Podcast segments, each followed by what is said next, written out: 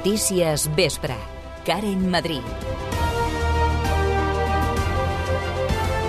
Sabadell ha perdut avui el seu primer atleta olímpic, el president de la Joventut Atlètica de Sabadell, Josep Molins. Júlia Ramon, bona tarda. Molins, de 90 anys, feia uns dies que estava ingressat a l'hospital. La seva figura era coneguda també fora de l'àmbit de l'esport, com apunta l'alcaldessa de Sabadell, Marta Ferrés. Jo crec que és una de les persones més estimades de, de Sabadell, no? que, coneixia tothom del món de l'esport i de fora del, del món de l'esport um, que era d'aquelles persones que es feia estimar, no? Jo crec que era una... més enllà, ja et dic, de, de tot el que havia aconseguit en la seva vida, de les ganes i de l'energia que va tenir fins l'últim segon, eh? Perquè um, jo crec que no he vist persona més enèrgica a la ciutat que que el Pep Molins. Molins estava vinculat a la jazz des del 1947 i n'era president des del 2004. Mig miler de dones van interrompre voluntàriament l'embaràs l'any passat a Sabadell. D'aquestes, només un 9% tenien entre 16 i 18 anys, segons dades de l'ASIR. Aquest col·lectiu pot, des d'avui, avortar sense l'autorització dels seus progenitors. L'atur baixa a Sabadell amb 28 persones durant el febrer, situant el nombre de desocupats als 11.547. Amb la voluntat de millorar encara més aquestes dades, avui ha arrencat la Fira Pro a Fira Sabadell. El certamen, obert a tothom que busqui feina o vulgui formar-se per aconseguir-la, té la representació d'una trentena d'empreses i centres educatius. Estarà en marxa fins dissabte. Aquestes i altres notícies les repassarem en la pròxima mitja hora amb el Francesc José a les vies de so. Notícies Vespre. Tota la informació a Ràdio Sabadell. Els serveis. Aquesta hora, situació molt complicada a la xarxa viària més propera a Sabadell. A la P7 hi ha 3 quilòmetres de retencions a Barberà i un quilòmetre i mig al mateix municipi, però a la B30 en sentit sud. A la C33, un quilòmetre i mig de cues a Montcada en sentit Barcelona i 3 quilòmetres més a la mateixa població, però a la C58 també per anar cap a la ciutat comtal. Ja a Barcelona, trànsit molt dens, amb aturades a la ronda litoral, entre Cantunis i el Fòrum en els dos sentits, i a la ronda de dalt, entre Sarrià i la Meridiana, també en els dos sentits. El temps.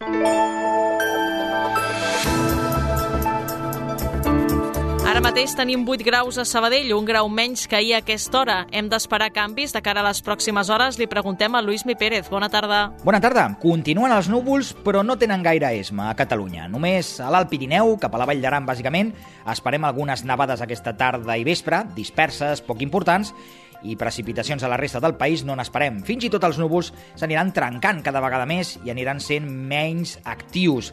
Ja demà s'acabaran desfent gairebé del tot. Al matí encara en quedaran alguns cap a les comarques de Girona, també al voltant del Montseny, a les valls prepirinenques de Lleida o cap als ports, núvols baixos que es trencaran i deixaran pas a un divendres força assolellat a gran part del territori català. I això farà que la temperatura tiri cap amunt.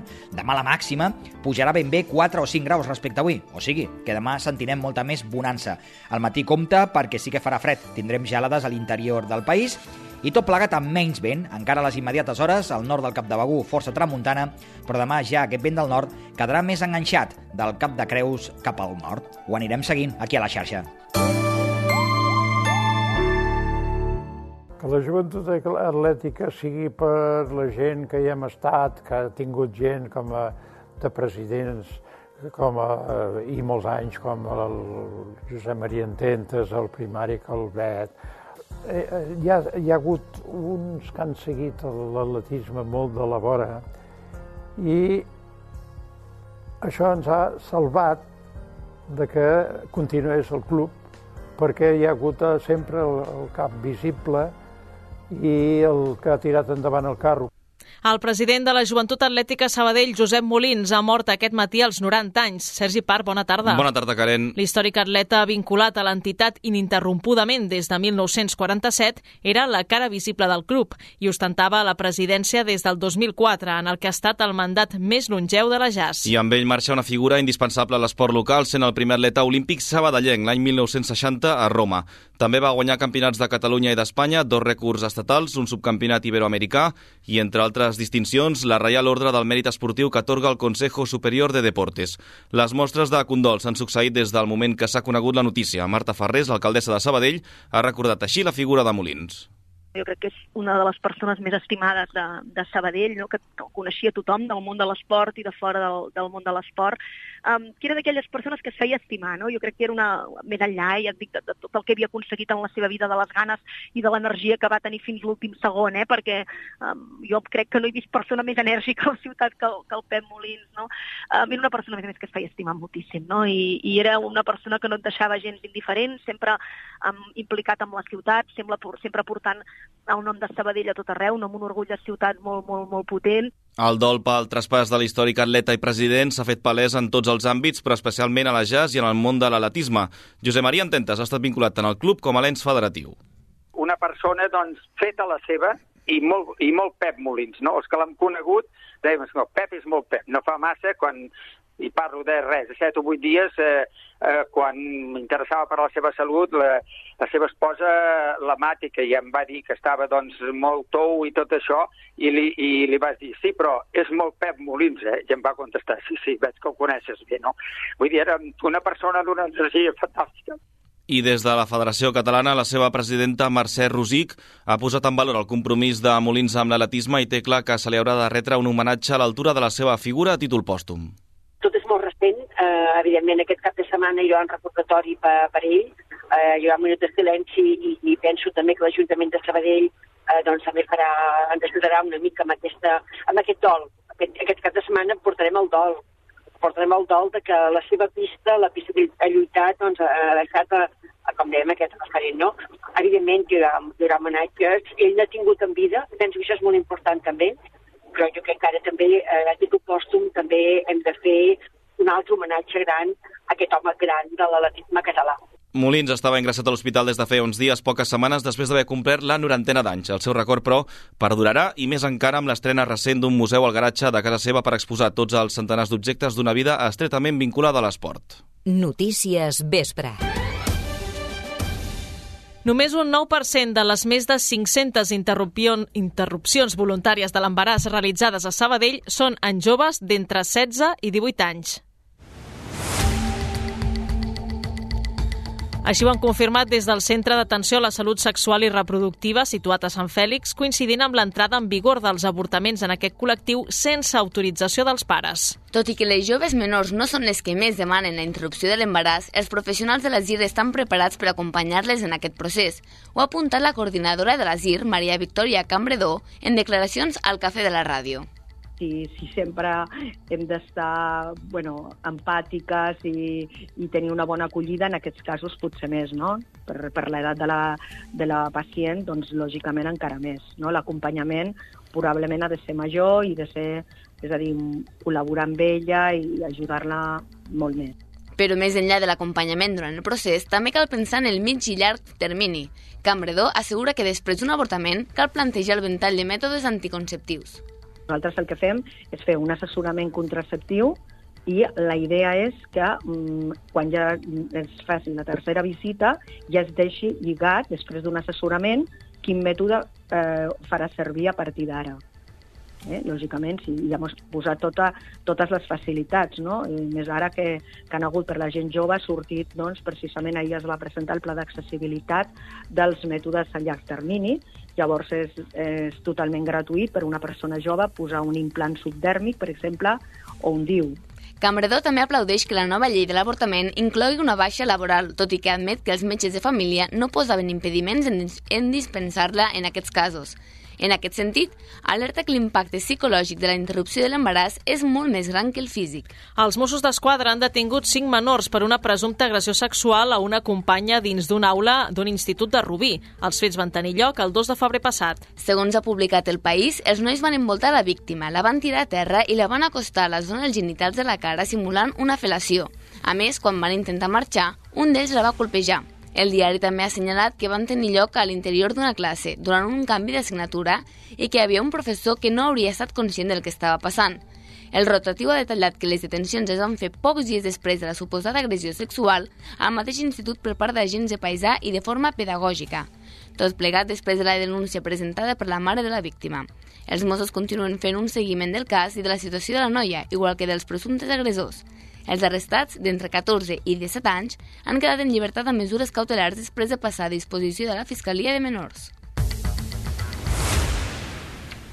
La Plataforma per la Pediatria i la Sanitat Pública de Sabadell convoca una caravana per la sanitat pública per aquest dissabte, dia 4 de març. Sindicats, SOS Pediatria i veïns aposten per aquesta mobilització diferent per tal de continuar lluitant per la inversió sanitària. El manifest s'anirà difonent per, per megafonia amb els cotxes. El recorregut farà una forma de Z, començarà al cap de Can Rull a dos quarts d'onze. Anirà per la Ronda Europa i enfilarà l'Avinguda Mata de Pere per anar a buscar l'eix central, passant per diferents caps i locals de salut, fins al Cap Sud i la Creu, per tornar a pujar fins al taulí després d'una hora i mitja i sense fer parades. Agustín Lorca, encarregat de la vocalia de Sanitat de la FAPS, diu que es prioritzarà la seguretat la caravana tenga una, la seguridad que debe de, tener. No vamos a hacer ninguna anomalía, vamos a ir siempre en, dirección eh, del tráfico, no nos saltamos ninguna dirección prohibida, ningún semáforo, o sea que va a ser todo mm, fácil y correcto y seguro. Y a partir de ahí, bueno, pues esperemos que esto tenga trascendencia, que la gente sepa mm, eh, para lo que estamos y queremos que se visualice. El president de la Federació d'Associacions de Veïns de Sabadell, Manuel Navas, lamenta que cada cop es destinen menys recursos a la salut. Es una vergüenza de que de aquí unos años la gente no sabrá exactamente eh, cómo estábamos hace 10 años. Hace 10 años teníamos más recursos, teníamos más medios. Hoy día, contrariamente a lo que podía parecer, tenemos menos recursos, tenemos menos medios que hace 10 años. O sea, por lo tanto, y cada vez hay, cada vez somos más gente, cada vez somos más gente mayor, cada vez somos más gente que necesitamos atenciones. El Consell de Salut de la ciutat diu que un 98% de la població ha fet servir la sanitat privada algun cop durant l'últim any. Ràdio Sabadell. Notícies vespre. Baixa l'atur registrat a Sabadell durant el mes de febrer. 28 persones han trobat feina durant els últims 30 dies a la ciutat. Segons les dades actuals, el nombre de desocupats se situa als 11.547. Comparant les dades amb les de fa un any, però, podem veure com hi ha 360 persones menys inscrites a les oficines del Servei d'Ocupació. Les xifres actuals també són molt millors que al febrer del 2021, on aleshores hi havia 3.999 persones, més a l'atur de, la, de les que hi ha actualment. Aleshores, encara arrossegàvem les conseqüències de la pandèmia. La tinenta d'alcaldessa de Desenvolupament Econòmic, Montse González, valorava així les dades. Doncs un mes més hem de celebrar no? aquesta baixada de les dades de l'atur i bueno, continuem dient que hem de continuar treballant, desenvolupant actuacions per la millora de l'ocupació i la competitivitat de, de la ciutat. Avui mateix hem inaugurat aquesta SBD Fira Pro, Formació i Treball, que és un nou model de fira centrat en les professions i que comptarà amb la participació de més de 30 empreses. Es preveu que en aquesta fira es, eh, doncs, hi hagi més de 500 contactes laborals, per tant, tot el que fem eh, doncs és bo per, per continuar millorant aquesta dada de l'atur. Al conjunt de la comarca, tornem a l'actualitat, també ha baixat l'atur respecte al mes anterior. A hores d'ara hi ha 46.003 persones apuntades al SOC. Respecte fa un any, es veu una clara baixada amb més de 1.000 persones menys a l'atur. Respecte fa dos anys, la diferència és abismal, amb més de 16.000 persones menys a l'atur. I precisament com sentíem, per seguir millorant els índexs d'atur, Fira Sabadell acull des d'avui fins dissabte la nova Fira Pro, la fusió entre Connecta de l'FP i la Fira Ocupació Sabadell. El coordinador d'FP dels Serveis Territorials d'Educació al Vallès Occidental, Josep Lluís Medina, assegura que s'està perseguint un objectiu ambiciós amb l'oferta formativa. La FP ha de ser un motor per tema de reducció de la tassa d'atur, els alumnes formats tenen més possibilitats de tenir una feina, val? Eh, volem tenir una millor connexió amb el teixit productiu, eh, entrem i els centres a través del pacte amb, amb el SOC, el que és el SOC 3, que és el tercer, eh, estem fent una oferta no només per lo que és la formació professional reglada, sinó per lo que són els temes de competències professionals.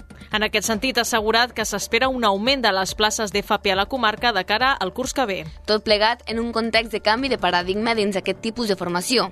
D'una banda, perquè els cicles de grau mitjà i superior estan pendents del desprestigi que tenien. De l'altra, perquè hi ha un canvi de legislació. L'ha destacat el subdirector d'Ocupació Juvenil i Qualificació Professional del SOC, Miquel Carrion doncs ja estem en aquesta transformació. Tenim una nova llei orgànica de formació professional que ha trencat les barreres entre el que és la formació reglada i la no reglada, ha desaparegut. O sigui, ja només parlem d'una formació professional i ara, en aquests moments, s'està debatent el Real Decret que regula tot això El rol de les empreses també canviarà, ja que es convertiran en centres de formació cobrint les àrees professionals que el SOC encara no té implantades al territori. Per fer de pont fins que aquest canvi es materialitzi, a la Fira Pro una trentena d'empreses han programat 500 entrevistes laborals i es facilitaran més de 300 atencions personalitzades. 1.200 persones. El Centre de Formació Cal Molins ha format més alumnes que mai durant el 2022 i l'Ajuntament vol augmentar l'aposta per impulsar aquesta dinàmica a l'alça. Aquest any Cal Molins estrenarà una nova modalitat de formació professional dual per preparar persones d'entre 16 i 29 anys en els sectors de la restauració i del comerç. L'any passat també es van obrir cursos gratuïts per treballadors en actiu que volen millorar el seu posicionament laboral i és així com en el darrer curs el centre ha batut el rècord de formació. La tinenta d'alcaldessa de Desenvolupament Econòmic i Impuls Administratiu, Montse González, posa en valor les dades recollides fins ara. L'any 2022 eh, es van formar un total de 1.221 alumnes amb 27.287 hores de formació i això amb un 91% de, de satisfacció. Què suposa això respecte al 21? Doncs eh, 127 alumnes formats més i gairebé 4.000 hores més impartides, una xifra que supera les dades registrades en els darrers 5 anys. L'objectiu principal del centre és donar una sortida a les persones aturades i, de fet, González apunta que aquest col·lectiu és el principal. Un volum important d'aquesta oferta pertany als cursos vinculats a l'obtenció d'un certificat de professionalitat que consisteix eh, constitueix una de les, de les millors vies de, de formació per accedir al món laboral adreçat prioritàriament a persones en atur. El període per inscriure's a nous cursos està obert i la preinscripció es pot fer a través de la pàgina web del Vapor Llong o de manera presencial al mateix centre de Calmolins. Les autoscoles catalanes avalen la proposta europea perquè els joves comencin a conduir als 17 anys. El vicepresident de la Federació d'Autoscoles de Catalunya, Perfecto de Arriba, creu que la mesura tindria efectes positius per la conducció, com per exemple la reducció de la sinistralitat. Així ho ha indicat en una entrevista al Cafè de la Ràdio, on ha explicat que a Alemanya ja s'aplica un model similar. Insisteixo, és com sentar unes bases que, que fan que aquesta persona, bueno, obtingui els resultats que, que, que es busquen, que és una reducció brutal de la sinistralitat. Segons el que planteja Europa, els joves de 17, de 17 anys podran circular sempre que vagin acompanyats d'un conductor experimentat de més de 25 anys i que porti, com a mínim, 5 anys de carnet. La mesura s'engloba dins l'objectiu europeu d'assolir els zero morts a les carreteres al 2050. Torna a escoltar aquest informatiu a radiosabadell.fm. L'entitat Sabadell Sardanista celebra aquest dissabte el concert de clausura del seu 75è aniversari.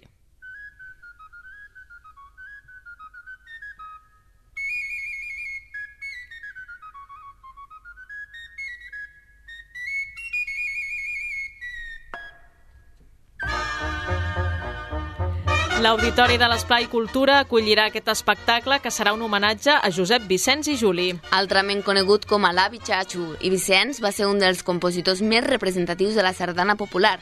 Així doncs, des de l'entitat se li ha volgut fer un homenatge amb aquest concert que du per títol Chachu, diàlegs i moments vitals, proposta per a tenora, tiable, piano i escena. En una entrevista al programa al matí, el president de l'entitat, Francesc Manaut, ha explicat la importància d'aquest compositor. Eren sardanes molt populars. Uh -huh. Les sardanes escrites a, a principis del segle passat eh, sobre la part de Girona eren sardanes molt populars, eren sardanes molt, molt balladores i va ser un, músic, un, dels, un dels clàssics eh, importants en aquella època. Uh -huh. En la mateixa entrevista, el president de l'entitat ha explicat que han seleccionat amb molta cura les diferents peces que sonaran en aquest concert, una selecció que vol exemplificar diverses etapes del compositor han volgut fer un paral·lelisme entre la vida del compositor i les peces a interpretar. Llavors els diàlegs doncs, es basen en això una miqueta, amb, amb la seva adolescència, amb el seu enamorament, el seu enviduament, quan va estar a l'època que va estar a Malgrat, l'època que va estar a Girona, el seu exili, uh -huh. és a dir, fan una mica una, un seguiment a la vida d'en Xaixo a través de la seva música, mitjançant la seva música. Dalt de l'escenari, tocant les peces, hi haurà Enric Ortí a la tenora, Ivan Joanals al piano i Xavi Pinyol al tible. El Museu d'Art acull una exposició itinerant durant dos mesos. S'anomena Art i Paraula i, tal i com indica el seu nom, combina la pintura amb la poesia en una mateixa mostra. Hi ha participat 12 artistes de cada disciplina i entre ells hi ha dues signatures sabadellenques. Es tracta del pintor Ramiro Fernández i d'Esteban Martínez, de Papers de Versàlia. De fet, a Sabadell aquesta exposició itinerant s'ha presentat dins un àmbit especialment dedicat a aquesta associació i Martínez destaca el valor afegit que resulta al combinar l'art gràfic amb el poètic en el món de l'art, diríem, en totes les facetes i totes les perspectives i totes les sí. tècniques, doncs eh, tot i així no deixa de ser reduït, no? Eh, llavors, eh, jo crec que ha de ser solidari. No ho ha estat sí. sempre, eh? No sí. ho ha estat sempre. Moltes vegades sí. al, al revés, no? Que, que són, són mons molt atomitzats, no? Sí. Però, però penso que s'enriqueix. Per la seva banda, Fernández ha exposat en una entrevista al matí com justament ha fet encaixar la seva obra amb la del poeta Josep Maria Ripoll. Jo, per exemple, amb el Ripoll, com que hi ha sintonia de tota la vida, sí? perquè fa una obra que m'agrada molt a mi, és molt fàcil, perquè decididament trobar un poema i una obra que combregue, que combreguessin. No l'he fet expressament jo, eh? Uh mhm. -huh. combregat. Yeah. I és un poema molt maco sobre, la, diríem, l'estat contemplatiu, i la meva obra és un gatet que mira com neva, que també és un estat molt contemplatiu, uh -huh. no? Art i Paraules podrà visitar el Museu d'Art fins l'1 de maig.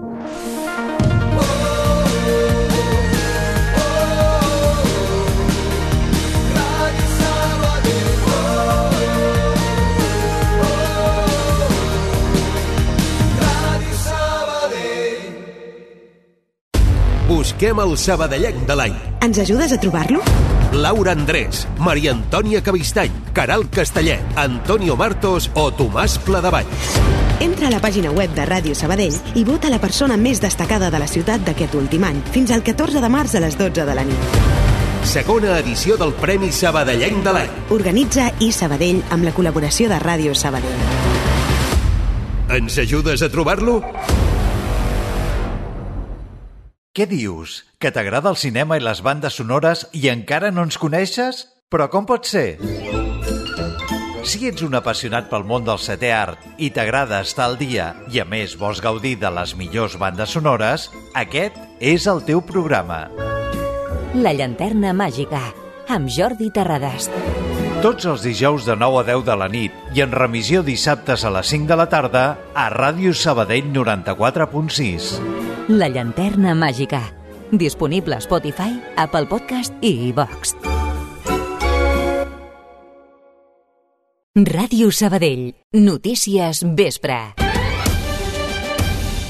Fora de Sabadell i la comarca. El Mobile World Congress ha superat totes les expectatives de l'organització i tanca portes amb més de 88.500 visitants. La fira ha acollit congressistes de 202 països, 2.400 expositors i més d'un miler de ponents i líders empresarials. Per tot plegat, es calcula que l'impacte econòmic del Congrés superarà els 350 milions. L'advocat Carles Monguilot, defensor de l'exdirector del Principal, Saúl Gordillo, ha assegurat al jutjat que l'investiga per la segona denúncia d'agressió sexual a una redactora del mitjà que les les imatges d'aquella nit no mostren cap conducta delictiva mínimament acreditable. Fonts jurídiques han confirmat que la denunciant ha ratificat la denúncia d'agressió sexual amb submissió química en què manté que els actes sexuals no van ser consentits. La defensa de Gordilla ha sostingut que les imatges mostren una persona que en absolut no sabia el que feia. El secretari d'Estat dels Estats Units i el ministre d'Afers Exteriors rus s'han trobat aquest dijous per primer cop des de l'inici de la invasió russa d'Ucraïna. La trobada ha estat de pocs minuts i s'ha produït a Nova Delhi en el marc de la reunió del G20. Segons ha informat a Washington, Blinken ha traslladat al seu homòleg rus que els Estats Units mantindran el temps que calgui el suport a Ucraïna i ha demanat a Moscou tornar al tractat New START de no proliferació nuclear i alliberar el presoner d'Estats Units, Paul Whelan, detingut a Rússia. I la presidenta del Banc Central Europeu, Christine Lagarde, descarta una baixa del tipus d'interès abans del 2025. I ha advertit que la taxa no tornarà al nivell negatiu d'anys anteriors. De fet, preveu que el preu del diner torni a pujar mig punt el pròxim mes de març. En aquest sentit, el Banc d'Espanya avisa que, si els tipus continuen pujant, un percentatge elevat de llars i empreses entraran en situació de vulnerabilitat. Esports.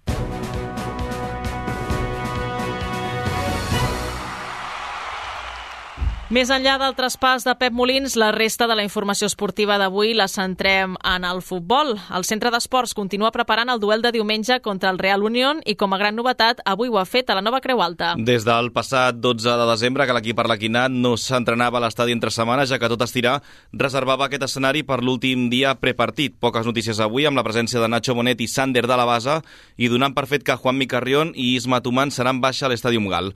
Un partit decisiu amb aquest objectiu comú d'assolir la permanència permanència a la primera federació. Un exarlequinat com Marc Vales milita ara a les files guipuscoanes. Sabem que, que Sabadell al final és l'equip que és, jugueu molt bé futbol, teniu molt, molt bon tacte de pilota i, i esteu fent les coses bé, jo crec que també s'està notant que, que aneu cap a dalt i nosaltres pues, estem a la mateixa lluita. Llavors, per nosaltres el, el diumenge és una final, com, com són tots els partits. Venim de perdre contra l'AS de Logroñés i és una derrota que ens va fer mal perquè tampoc vam estar a un nivell molt alt, i el diumenge pues, és el nostre dia, hem de, hem de sortir amb el ganivet a les dents i, i a guanyar a casa que ens hem de fer força aquí. I a aquesta hora, per cert, encara no hi ha designació arbitral oficial de cara a aquest Real Unión Sabadell de la 26a jornada que es disputarà diumenge a les 12 del migdia. I aquesta jornada hi ha derbi al grup 7 de la Lliga Nacional Juvenil entre el juvenil B del Centre d'Esports Sabadell i el Mercantil. Olímpia acollirà aquest diumenge un duel d'altura entre els dos equips situats a la part alta de la classificació. Ens amplia aquesta informació el Guillem Llorenç. Els dos conjunts arriben en un molt bon moment de forma de cara a aquest duel de la segona volta de la Lliga. El Mercantil és quart a només 4 punts del líder i el Sabadell B, tot i ser un pèl més enrere, també és a la lluita de la part noble de classificació. Recordem que tot i acabar en posicions d'ascens, la condició d'equip B no els permet pujar a divisió d'honor. El centre d'esports vol capgirar el resultat de la primera volta, a la jornada 5, on van perdre per 3 gols a 0. El tècnic Conrad García, tot i esperar un partit similar, creu que ara estan molt més preparats per afrontar el partit. Jo crec que tots dos arribem bé. Tenim les idees molt clares, jo crec que molt més clares que a la, a la primera volta. I sabem minimitzar una mica aquestes capacitats que tenen ofensives, que són, que són moltes, estarem a prop de la seva porteria i les àrees són els que, el que determinaran si, si un guanya o no. El mercantil, per la seva banda, no ha perdut en les últimes dues jornades i és més a prop de l'ascens. Els de Marc Xalabarder estan en la lluita juntament amb el Nàstic de Manresa, 4 punts per davant, i el Gavà, un punt per darrere. Dels tres, només els dos millors juvenils A podran aconseguir-ho. Per això, hauran de saltar l'Olímpia i voldran repetir la feina feta al partit d'anada. L'entrenador blaugrana, però, no es refia dels precedents i alega que ells, durant la Lliga, ja han perdut davant conjunts als quals havien abatut amb anterioritat. Espera un partit obert en el qual els dos equips buscaran tenir el control de la pilota entenc que, que sortirà amb moltes ganes de, de demostrar a tothom que el resultat de l'anada va ser algo circumstancial i per part nostra, bueno, crec que tenim la lliçó bastant apresa, per temporada vam jugar contra tres rivals de nacionals que vam guanyar bé i la primera volta no vam guanyar cap dels tres. Són, és un equip molt atrevit, és un equip que, que sempre busca ser protagonista, per tant crec que, que hem de ser conscients que ens trobarem un partit obert on els dos equips doncs, voldran tenir no, el, el control. Diumenge a les 4 sonarà el xiulet inicial a Olímpia. Una categoria per sobre, el grup 3 de la Divisió d'Honor Juvenil, el Centre d'Esport Sabadell A jugarà dissabte també a Olímpia contra el Mallorca, amb l'objectiu d'allunyar-se encara més de la part baixa de la classificació. A dos quarts de cinc, el juvenil del Sabadell, del Sabadell rep el quart classificat de la Lliga. Els d'Edu Sant José volen deixar enrere les posicions de descens i aferrar-se a la part tranquil·la de la competició. Ara mateix, quan resten vuit jornades per disputar-se, són descens a 9 punts de l'Europa, que és l'equip que marca aquesta zona perillosa. I en Martínez Martínez, jugador laquinat, és conscient de la dificultat que suposa jugar davant bases punteres com la Balear, però recorda que tampoc s'ha d'anar amb por. És una cantera. Partint d'aquí, eh, sempre són equips forts, ja que són el millor de, del club i, i bueno, ja es va demostrar allà que al final ens acaben empatant a l'últim minut, o sigui, tampoc hem de tindre, hem de tindre el respecte, però tampoc hem de tindre l'ICO ni molt menys, i, i sortir pues, amb la mateixa actitud exacta que, que vam sortir allà. El partit de la primera volta, de fet, el marcador era de 2 a 2 i aquest eh, marcador va ser el definitiu, tot i que l'equip balear va empatar en el temps de descompte. El conjunt vermellón, per cert, té complicada la lluita per la primera plaça, ja que ara mateix es troba a 11 punts del líder, el Barça. Gràcies, Sergi, bona tarda. A tu, Karen.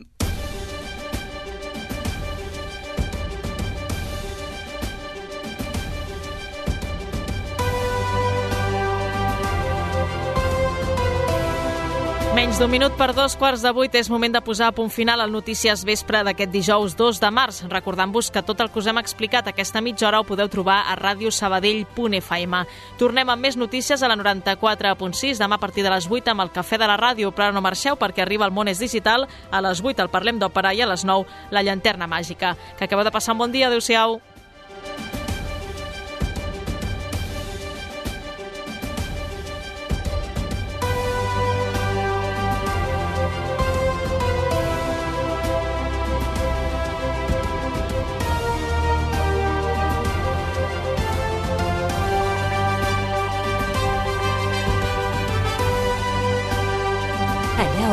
Siguis, escolta'ns online. En directe.radiosabadell.fm